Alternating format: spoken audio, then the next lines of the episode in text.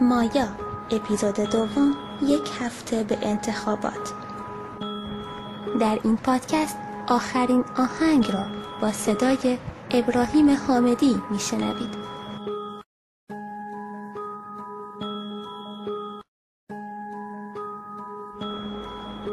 سال اول بود دانشجوها جلوی در دانشگاه یار دبستانی من میخوندن و دستاشون رو با روبانهای دور مچ آروم و مثل رقاصه ها بالای سرشون تکون میدادن نمیدونم به خاطر چی نگران بودم ولی با وجود کلی خستگی به خاطر راه رفتن تا اونجا هیچ جوری نمیخواستم پامو از حفاظت فیزیکی بذارم اون بر. یه جوری که راضی بودم توی همین اواخر 18 سالگی و با کلی امید و آرزو خودم رو به مشکلات زندگی صاحب یکی از اون ماشینا اضافه کنم. بالاخره با این ترس که ممکنه آخرین تأخیری این ماه هم هم علامت بزنن خودم رو از گیت رد کردم. روی چمنه خشک خوابگاه نشستم و بدون اینکه بخوام اون آهنگی که صد بار پلی شده بود رو عوض کنم هنسفیریمو کشیدم. دستامو دور پام حلقه کردم و چونم و کاشتم درست بین دو تا زانوها مثل اونایی که از تکرار یه سری تلاش های احمقانه برای به دست آوردن چیزی خسته میشن به عدد پنج ساختمون خوابگاه خیره بودم باید تا شماره چهارده رو پیاده میرفتم و سیاه بودن شب نمیذاشت هیچ حرکتی به اون سمت داشته باشم شاید اگه رنگ شب مثلا زرد بود یه جور دیگه میشد حال لب بسته یه کسی که نشسته بود توی این گوشه خالی دخترها مثل سایه های رنگی و رازی از راه رفتن روی کف و پله های ستاد فرد منتخبشون جسمشون از جلوی چشام حرکت میدادن انگار فقط من بودم که نمیتونستم تکون بخورم اون شب بچه های اتاق شاکی بودن که چرا دیر کردم برام برنامه سورپرایز تولد داشتن و من روحم هم خبر نداشت از یه هفته قبل قرار لحظه های خستم کشدار بشن تا خود ساعت 9 19 ساله شدنم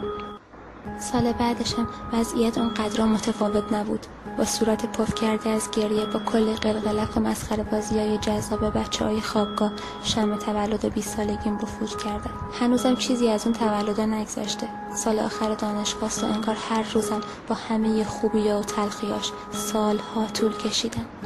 چند وقت پیش یکی از بچه ها متنی رو منتشر کرد که همیشه یه ساعتی هست که تمومی نداره شبیه ساعتهای دیگه است جوری که بهش شک نمی کنیم بعد واردش میشیم و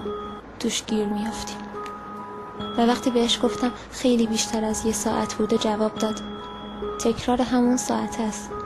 طوری که مطمئن میشید قرن هاست داره یه ساعت لعنتی رو زندگی میکنه و بهشون عادت کرده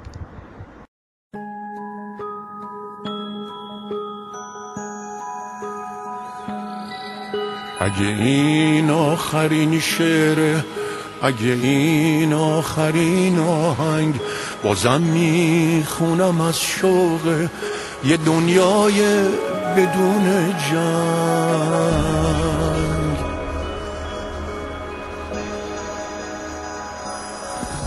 اگه این آخرین راه اگه این آخرین پرده منو با بوسه ای بسپار به یه دنیای بی برده.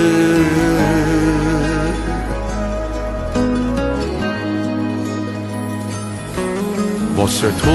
باقی میذارم نهال سبز رویامو امید با تو برگشتن به شهر آرزوهامو واسه تو باقی میذارم جای خالی و تو رگبار نگاه بیقرارم رو تو عکس خواب رو دیوار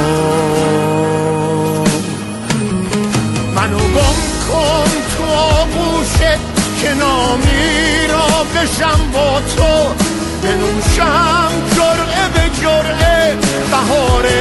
توی چشما تو صدا میمونه بعد از من بازم دستا تو میگیرم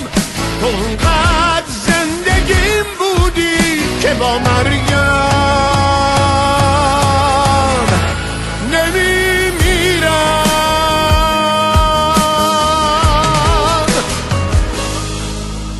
اگه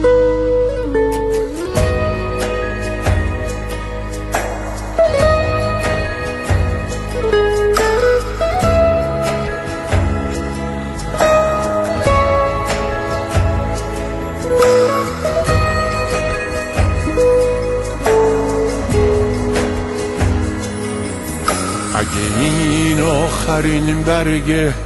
اگه این فصل پاییزه شریک این شرابی باش که تو گیلاس و میریزه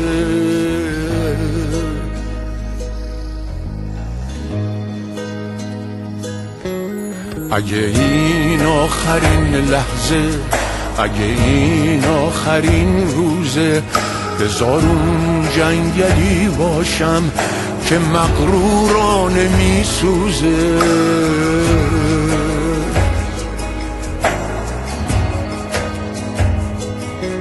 همه روزای تبعید و کنار تو سفر کردم پناه لحظه هم بودی من از تو بر نمی گردم چشات معنای آرامش نگاهت سرزمینم بود همیشه مؤمنت بودم که لبخند تو دینم بود